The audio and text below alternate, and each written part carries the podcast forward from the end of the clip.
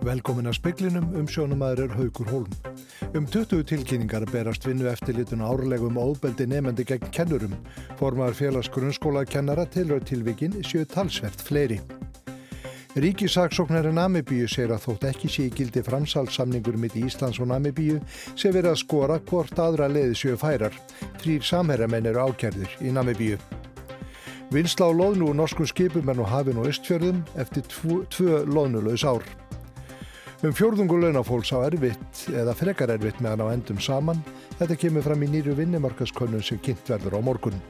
Og margar af helstu tónlistastjórnum Breitland segja stjórnvöld hafi bröðist greinin í brexit viðræðunum eins og staðan sé núna þessi erfitt fyrir bregst tónlistafólk að halda í tónleikaferðarlag um Evrópu. Undan farin ár hefur vinnu eftirliti fengið um 20 tilkynningar á ári hverju um óbeldi nefnda gagvart kennurum. Formar félagsgrunnsskólakennara til að tilvíkinn séu talsvert fleiri og segir að réttur kennara til öryggis á vinnustad sé ekki nægilega vel treyður. Ég held að í raunverulega sé tilkynninga til vinnu eftirlitsins bara örf á atvik miða við það sem gerist í skólum almennt. Hvernig er unnið úr þessu málum? Við fáum svona eh, uppringingar hingast þar sem að kennari hefur lemt í átökum eða orði fyrir ofbeldi á vinnustad að þá hvetjum við einstaklingin til þess að ræða það við sem skólastjóra og fá það skráð. Segir Þorgerður Lauveti Ríksdóttir formar félags grunnskólakennara. Hún segir meðferð mála sem þessa geta verið ímsum erfileikum háð. Öll börn séu skólaskild og eigi rétt á að vera í skóla óháð gerðum sínum. Afleiðingar ofbeldisins geti verið fjölmarkar fyrir kennara. Ég þekk dæmum að einstaklingur tristi sér ekki til að mæta aftur til starfa eftir að hafa orðið fyrir ofbeldi af hendi nefnda. Og þá kemur oft aldur nefnda til. Þar getur það verulega skipt máli, hvort að nefndin sé komin í ungadeild eða hvort hann sé uh, ungur. Er réttu grunnskólakennara til öryggis á vinnustaf nægilega tryggður? Svarið við því er að það er ekki í öllum tilfellum hægt að tryggja öryggi kennara bara alls ekki. Þetta var Þorgeru Löfveit Idríksdóttir, Anna Lilja Þóristóttir tók saman en nánæri fjallaði máli í kvöldfréttum sjónvarps. Leitað var að Jón Snorra Sigurjónssoni, Ali Sad Para og Juan Pabios Mors í, í fjallstindum K2 í dag án árangus. Ekkert hefur spursti þeirra þrjá sólarhinga. Í tilkynningu sem fjölskylda Jón Snorra sendi frá sig fyrir í dag sér að ljósi að þegar myrkur skellur á á fjallinu, sem var um klukkan tvö í dag að íslensku tíma, sé mjög lítil vonum að þremenningarnir finnist á lífi. Leit var hætt upp úr háti í dag vegna erfiðra veðuskilira og ekki verður haldið aftur á stað fyrir en veðrið batnar. Síðast sást til mannan á föstuðas morgun við svo nenda flöskuháls á K2 rúmlega 400 metra frá tindinum. Ríkisaksónari Namibíu segir að þótt ekki sé í gildi framsalsamningur millir Íslands og Namibíu sé verið að skoða hvort aðra leiðir séu færar. Ísland og Namibíu er til að mynda aðilda sömu alþjóðlugu sáttmálunum gefn spillingu og skipulari glæbastarsimi og mögulega verið hægt að byggja samstarf landana á því. Greint var frá því fyrir helgi að þrýr Íslendingar, þeir Yngvar Júliusson, Egil Helgi Árnason og Adalstein Helgason væru meðal þeirra 26 sem eru ákjærðir í tengslum við rannsókn yfirvalda í Namibíu á samherjaskjölunum. Þeir eru að mæta fyrir dóm í Namibíu þann 22. apríl. Samkvæmt ákjörðskjölum eru þeir meðal annars sakaður um peningatvætti, skattsvík og skipulaða glæbarstarfsemi. Samherji sagði í yfirlýsingu á VF fyrirtækisins að fyrirhugð ákjæra kæmi ekki á óvart en þar ásakanir sem þar kæmi fram ættu ekki við rökað stiðjast. Á Ákjærunni er því varist af fullum krafti. Engin framsálsamningur er í gildi millir Íslands og Namibíu. Í Malva segir í samtali við þetta Namibían að hún sé bjart sín á frekara samstarfið íslensk yfirvöld. Hún vísar meðal annars til þess að Ísland og Namibíu eigi bæði aðild að sáttmála saminuðu þjóðana um baráttu gegn spillingu og skipulaðri glæbarstarfsemi og að hægt væri að vísa til hans til að fá Íslendingana fyrir dóm í Namibíu. Im Malva segir samstarf íslenskra og namibískra yfirvalda hafa verið gott og þau hafi unnið saman að rannsókn málsins. Þegar hún er spurð hvort grípa þurfi til frekari aðgerða til að tryggja nærveru Íslendingana tryggja, hefur blaðið eftir henni að hún viti að Ísland verði reyðibúið til samstarfs. Freyr G. Gunnarsson tók saman. Vinsla á loðnu úr norskum skipum er nú hafin og östfjörum eftir tvö loðnulegs ár. Frangatastjóri síldarvinslur en neskupstaði segir gott að fá loðnulikt aftur í bæin. Ég meina það er auðvitað bara góð tilfinning að við séum að fá lónu aftur í, til vinslu eftir síðustu ár og ég held að maður verður bara að fagna því að, að það er komið lónulikt í bæin og, og húsið farið að snúast þannig að það er bara gleði, hamingja. Segir Gunnþór Ingvarsson framkvæmdastjóri síldarvinnslunar og það er lona af norskum skipum sem verið er að vinna fyrir austan en íslensku skipin eru ekki farin til veiða.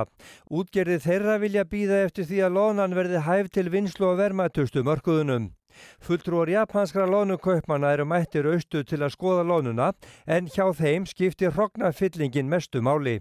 Við erum náttúrulega bara með skipin tilbúin, það er búið að taka veið að fara um borð, þannig að kallarnir býða bara eftir kallinu og, og hérna, við fylgjumst með á miðunum og býðum eftir að lóna koma upp í fjöru og verðum við komið með veri með hragnarfyllingu þannig að verðmættin aukist og þá munum við halda allir við það.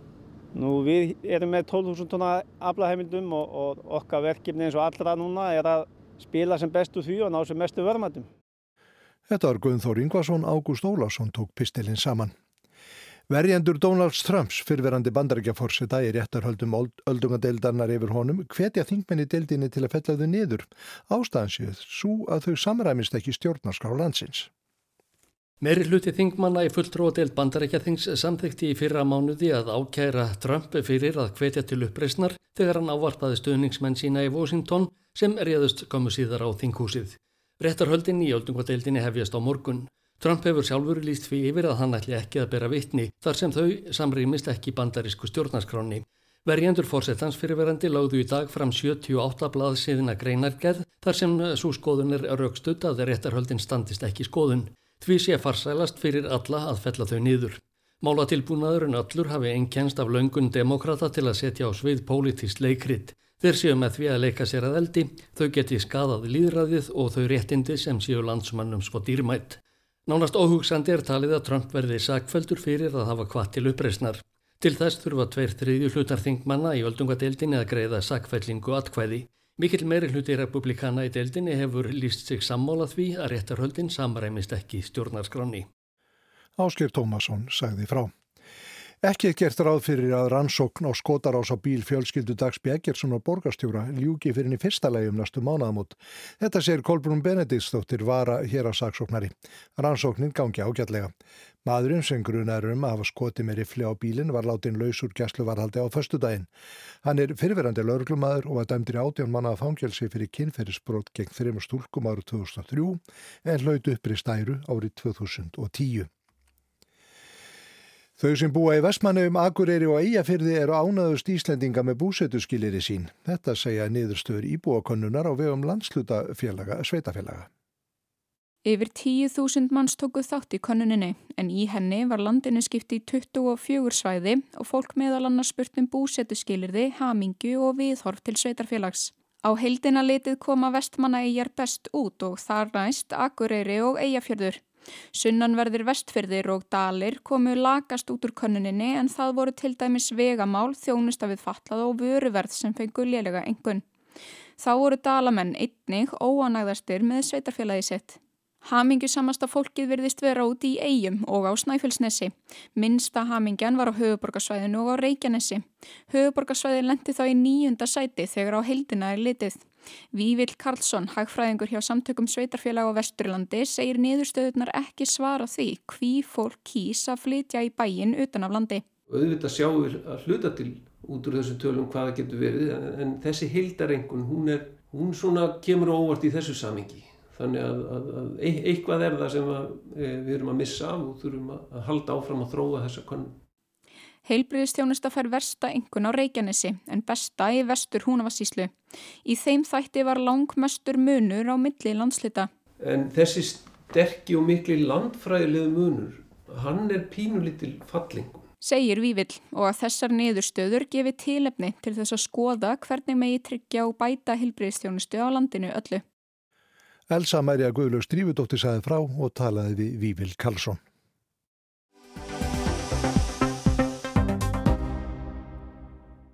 Þórulu Guðnarsson sóttarnalækni segir að ef kæmi meira bóluefni er þið farið í frekari bólusetningar en eins og kunnutt er hafa verið sögur og kreikjum á vonsjá bóluefni frá Pfizer í tengslu við mögulegt rannsóknarverkefni.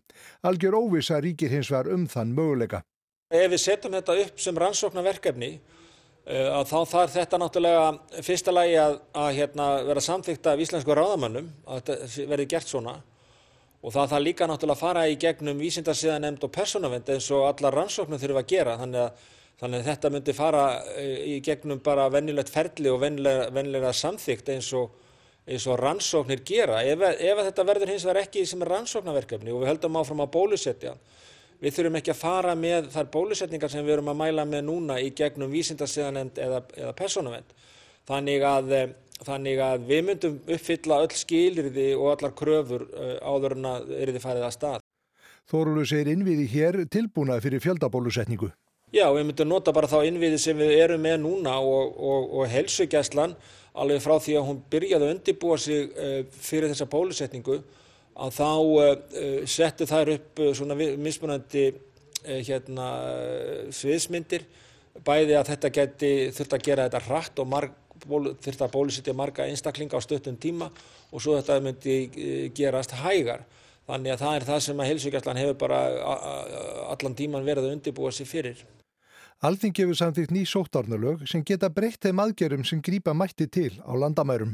Já, sko, það sem að ég hef sendt uh, tillögur til ráð þeirra áður, uh, bæði um það að, að krefjast neikvæðs prófs, PCR prófs af fólki sem er að koma hinga til lands, uh, sem getur verið 48 klukkstundar gamalt eða þarum byll. Og svo hef ég líka sendt tillögur um að fólk verði skildað að fara í, í, í hérna, farsóttarhúsi til eftirlits á milli þessar að tvekja sínataka í þessa fimm daga. Það, það hlaut ekki í hljómgrunn þá og, og, og menn töldu að það væri vafasamt að væri lagagrundvöldur þá fyrir að gera þetta. Nú er búið að breyta lögunum og, og sennilega lagagrundvöldur fyrir því að krefjast uh, þess að þetta verði gert og þetta er bara það sem við erum að skoða en þetta eru þeir möguleikar sem við höfum pluss það að, að ebla svona alla verkferðla kanna hvort að upplýsingar séu réttar sem eru gefnar upp á landamærunum og svo framvegis. Vísbendingar hafa komið fram um að bólefni frá AstraZeneca hafi takmarkaða virkni á suðurafríska stofn COVID-veirunar. Þorlu segir alveg á að nota bólefnið eins og staðan er núna. Já, þetta eru fyrstu fréttir sem berast að þessu. Það áttur að sannræna þetta frekar þannig að ég held að maður taki þessu nú aðeins með fyrirvara. Allavega þannig að við fáum staðfestari upplýsingar um slíkt. Nú við lifum í þeirri óvissu að það geta alltaf komið upp stopnar sem að bólefnin virka ekki á eða, eða venda ekki gegn og það er svo áhætta sem við lifum í og, og, og, en ég tel að þessar upplýsingar sé ekki það afgerandi að það sé einhver ástæði til þess að hætta að nota það bólefni. Þetta var Þórulfur Guðnason.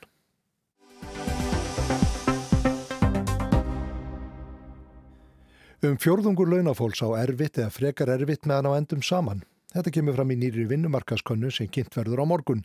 Þar kemur líka fram að um fjórðungur kenna, kvenna á vinnumarkaði býr við slæma andlega hilsu. Þetta hlutvall meðal únsfólks er nærri 42%. Varða rannsóknarstofnur vinnumarkaðarins sem ASI og BSRB koma á lagirnar hóstar sem í vor á síðasta ári. Megin tilgangur vörðu er að bæta þekkingu á lífskýliðum með launafólks. Kristín Hepa Gísladóttir, framkvæmtastjóri vörðu, segir að nú sé komið að því að kynna fyrstu stóru afur þessara nýju stofnunar. Á morgun verður kynnti viðmikil könnun sem náðu til félagsmanna bæði BSRB og Alþýðsambansins. Hún segir að markmiðið hafi verið að varpa ljós á alvarlega stöð á vinnumarkaðnum nú í faraldrinum. Það voru svona áhyggjur af því að sérstaklega meðal atvinnuleysra væri aðstæðin og núna dálítið öðruvísi og frábriðunar heldur en til dæmis að sjáum eftir efnaðskreppuna 2008 þar sem að fólk gætt sótt alls konar, eh, það gætt sótt líkamsrækt og það gætt fara á námskeið og sótt svona uh, í alls konar úrræði á vegum til dæmis vinnumálustofnunar en núna eru ríkar samkominntakmarkanir og fólk, við hefum áhugir af því að fólk andli helsa og, og, og helsa fólk verður mun verri uh, núna að því að aðstæður eru svo allt öðruvísi fyrir utan þetta gríðarlega mikla atvinnuleysi sem við erum að sjá þannig að það er rauninni uh, útgangspunkturinn okkar þegar við ákveðum að fara í þetta verkefni. Í konunni var Kastljósunu beintað stöðu launafólk, stöðu þeirra sem eru atvinnuleysir, stöðu innflytjenda og reynda að varpa ljósi á stöðu ungs fólks í faraldrinum. Kristín Hepa sér að útgangspunkturinn séu áhrif atvinnuleysis. þá erum við að skoða þessu hópa sem er að verða vest úti í atvinnuleysinu og það er eh, samkvæmt mælingum vinnumálstofnunar, innflytjandur og ungt fólk og, og þess vegna það er svona hérna, útgangspunkturinn okkar. Ein af niðurstöðunum er þegar litið er á stöðu launafólks eða þeirra sem eru í vinnu er að um fjörðungur fólks á erfitt eða frekar erfitt meðan á endum saman. En kemur þessi niðurstöða óvart? Já, segir Kristín Hepa og bendur á að staða hvenna sé verri en karla. Þetta gefur bara dálítið dökka mynd af ástandinu, verður við að segja, og við erum með rauninni fleiri mælingar á fjárhastleiri stöðu, við erum að mæla sagt, út frá fólk gefur upp bara hvort að hversu hérna, auðvelt eða erfitt fólk á með að ná endum saman. Síðan eru við með mælingar á efnislegum skorti sem eru hérna, mælingar sem að Hagstofu Íslands til dæmis notar til að og er hérna, uh, hægt að auðvelt að bera saman sett, það er hérna, mælingar. Og við erum bara að sjá dálítið hérna, alvarlega stöðu og þar sjáum við til dæmis að það eru 13,8% sem ekki efna að fara árlegt sumafrý með fjölskyldu og og það eru, samkvæmt þessari konunum 6,1% eh, fólks á vinnumarkaði sem býr við efnislegan skort. Konur á vinnumarkaði, staða þeirra verist vera að einhver liti talsitt verri en karla og það kemur fram að já, fjörðungur hvenna býr við slæma andlega heilsu. Hvað er verið að segja þarna? Við erum að sjá kannski að í þessum hérna, spurningum sem leikja baki þessu að þá eru verið að spurja til dæmis þreitu og seppleysi. Það eru spurningar sem koma hérna, munver út. Raunar eru þetta nýju spurningar sem við notum til að mæla andlega helsu. Staða hvernig er verið á öllum þessum spurningum og það er alveg endur líka í heildar, í heildar, hérna, eh, heildarskorinu og við erum að sjá að það er bara hérna, talsið stór hluti hvernig sem að býr við slemt hilsufar og við erum að sjá að það eru hérna sko 9,5% hvernæga hérna erfitt með að sofa eða sopna eða sofa alla nóttina og þetta eru vinnandi konur. Og hérna og þetta eru þetta áhugjefni og ég vona, og, og þetta vitum við ekki þetta eru þetta lagt, konunni lögð fyrir í byrjum byrjum desember síðast ári Það eru auðvitað álagstími og mörgum jólan að koma og svo er líka COVID. Þegar stað þeirra sem eru atvinnuleysir eru konnuðu kemur fram að þeir eiga erfiðar en aðrir meðan á endum saman og þeir eru líklegir til að hafa neitað sér um heilbriðistjónustum. Fleiri þeirra hópa að þeim matargjafir eða fjárhagsastóð og líða efnislega skort. Þetta er kannski niðurstað sem við var að búast. Kannski það sem kemur mér á óvart er sagt þetta þegar við erum að skoða stöðuna til dæmis varandi sumafrí og þess að sem er ekki auðvitað að meta stöðuna það er auðvitað þá einhver uppsapnaður vandi hefur maður tilfinningunni að því að við erum að líta auðvitað á þetta sem svona tímabundi ástand og maður eru áhugir að því að það er ekki það langt síðan að faraldurinn skalla á en samt í staðan eru svona slæm. Þannig að ef að hérna hlutinni fari ekki að skána með tilliti til hérna, stöðunar og vinnumarkaði þá hérna, hefur maður áhugjuraði hvert þetta fer. Ateglin er beintaðar stöðu inflýtjenda. Almennt atvinnleysi meðal þeirra í desemberi var um 24%. Um 14% landsmanna eru inflýtjendur eða erlendi ríkisborgarar. Framkemra fjárarstaðan er verri á öllum mælikvörðum eða við innfætta. Þeir eiga erfiðara meðan á endum saman líða frekar efnislega skort og eru líkleri til að hafa þegi matargjafir og eða fjárasastóð. Já, staða innflytjenda er verri á öllum mælukverðum og við erum, sem sagt, og ég dreg kannski svona upp mynd af hópnum að þá er þetta, þetta er yngra fólk og, og það er mentunastig þess þeirra er herra, það er með betri líkamlega, hels, líkamlega helsu og hefur minnu þarf fyrir heilbriðsjónustu en andli líðan slæm og fjárhagstað slæm og staða húsnæðismarkaði talsert mikið frábyrðin heldur en annar að hópa þar sem stór hluti innflytjanda er á legumarkaði og svo er auðvitað stór hluti hattunulus. En kemur það óvart að sumir innflytjendur, þeir eru kannski skilgreindi nákvæmlega, sumir eru orðinir ríkisborgarar, aðri eru að koma hérna tímabundi, að, að það er svona líki augum uppi að, að þeir hafa kannski ekki kosta öðru en leiguhúsnæði. Einmitt, en þetta er svona, við höfum séð sagt, og Hagstæðan hefur gert mælingur á hvað það að vera á almennu leikumarkaði er, það er hérna dýrt og það hefur mikil áhrif á fjárháslega stöðu fólks. Þannig að það er rauninni uh, það sem við erum að sjá þarna að þessi hópur eru illa settur fjárháslega og á almennu legumarkaði og borga líklegast mjög dýra legu.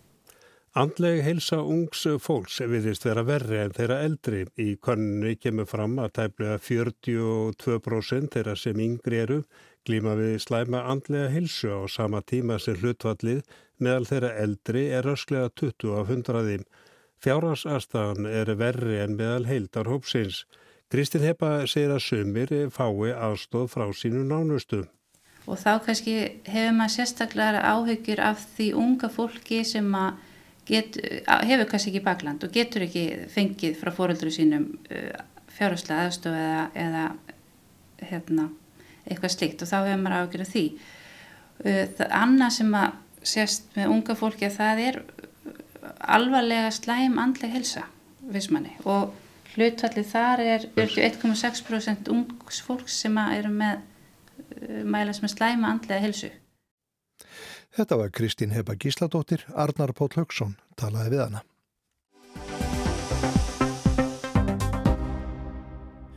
Tónlistarbransin í Breitlandi er í vanda, ekki bara vegna COVID því að sá vandi er allstaðar, heldur vegna Brexit en svo virði sem reynlega hefði glimstakir ráð fyrir ferðafrælsi tónlistarfólks um Evrópu. Eldri og ráðsettari stórstjórnur hafa bröðist ókvæða við og segja nöðsilegt að auðvelda yngra fólki að koma sér á framfæri því án ungra tónlistamanna sé engin bransi.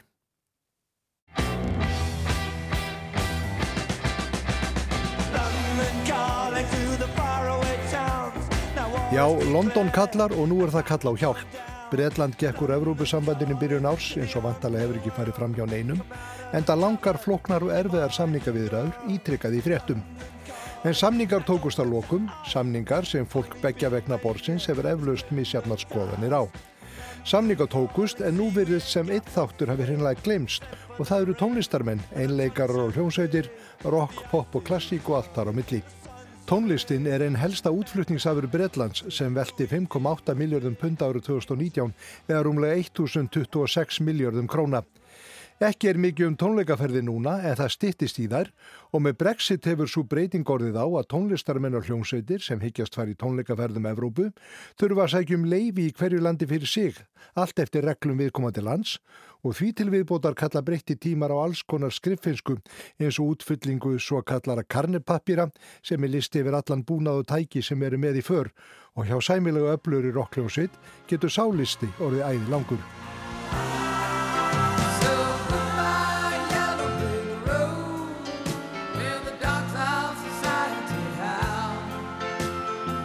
Einn þeirra tónlistamanna sem gaggrínt hefur andvaralýsi breska stjórnvalda, hvað harðast, er Elton John.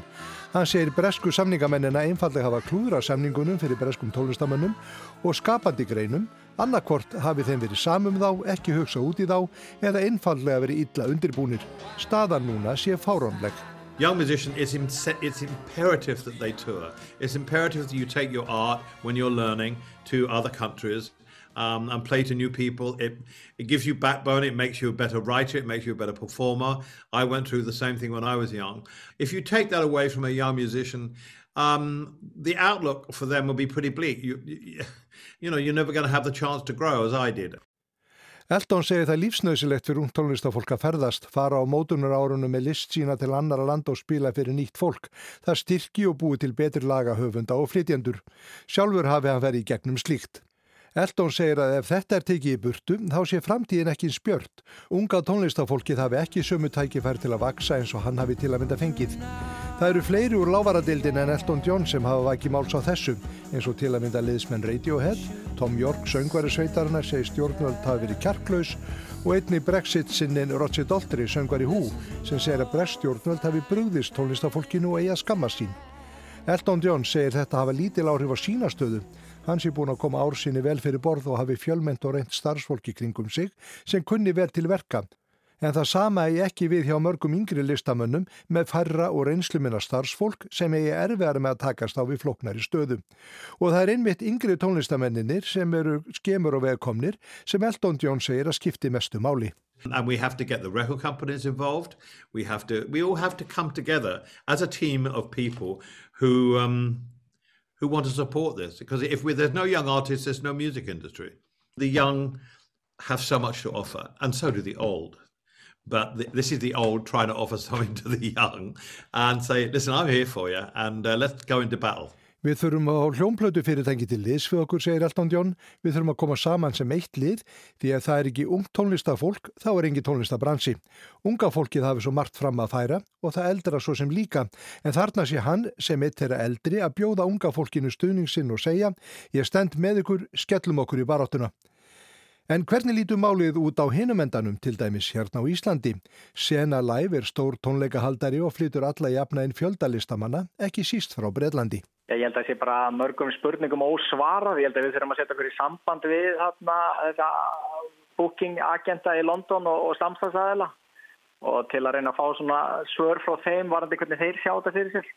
Svona, það er allt svolítið lamað ennþá en það eru allir að setja því stellingar að hlutinni sé að fara að starfa aftur þannig að við þurfum bara að hella okkur í þessu samtöl. En þetta er náttúrulega rosalega stórt mála því að London er náttúrulega bara miðja alheimsins hvað varðar svona bókanir á listamönnum og ekki bara frá Breitlandi, heldur líka bara frá bandarækjunum og þeir eru svolítið svona miðjan fyrir alla Evrópu og eiginlega restina heiminum utan bandarækjuna varðandi það að bóka listamann. Það er bara London er miðjan, þannig að þetta er stórum ál segir Íslefu Þórhalsson hjá Senu. Hann tekur undir með Elton John og fleirum um að máli sem meiri háttar klúður. Viðræðurnar hafi gengið bröðsulega og nú virðið sem heilt málaflokkur hafi hreinlega glemst. Sem er náttúrulega alveg surrealist. En nú er verið að vekja aðtegla á þessu og maður vona nú að það, að það gerist eitthvað. Þeir ætla vonandi ekki að, að láta þetta bara þennan rosalega stóra bransa í London flytist eitthvað annað, maður trúið því nú ekki. Þannig að þeir hljóta nú að koma með einhverja lustnir. Allt málið er í mikill óvissu og lítið hægt að segja um afleggingarnar en spurningi hlýtur að vakna hvort þessi flokna staða gerir það verkum að dýrara verði að fá breska listamenn til dæmis hingað. Í, já, það geti alveg verið þannig kannski í einhver tíma svo held ég að nú, veist, það finnist alltaf eitthvað nýtt jafnbægi og fólk finnur einhverja leiðir. Ég held að í vestafalli þá bara þarf að flytja þetta í burtu frá London ef, ef, ef það er hættar ekki lengur að það sé miðjan sko. En en ég held að það hljóti að koma einhverja lausnir á þessu máli. Þetta er svo rísa vagnir hagsmöður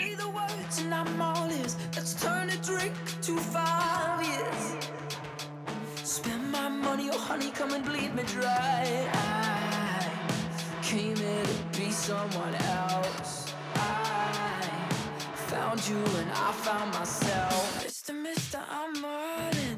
Bet your house and I'll call it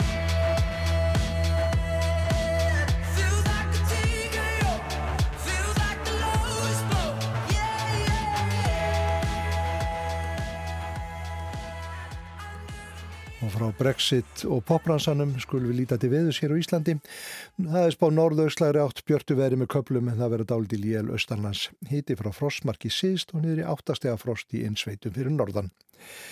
En það var helst í speklinum að um 20 tilkynningar berast vinnu eftir lituna árlegum ábeldi nefandi gagvart kennurum.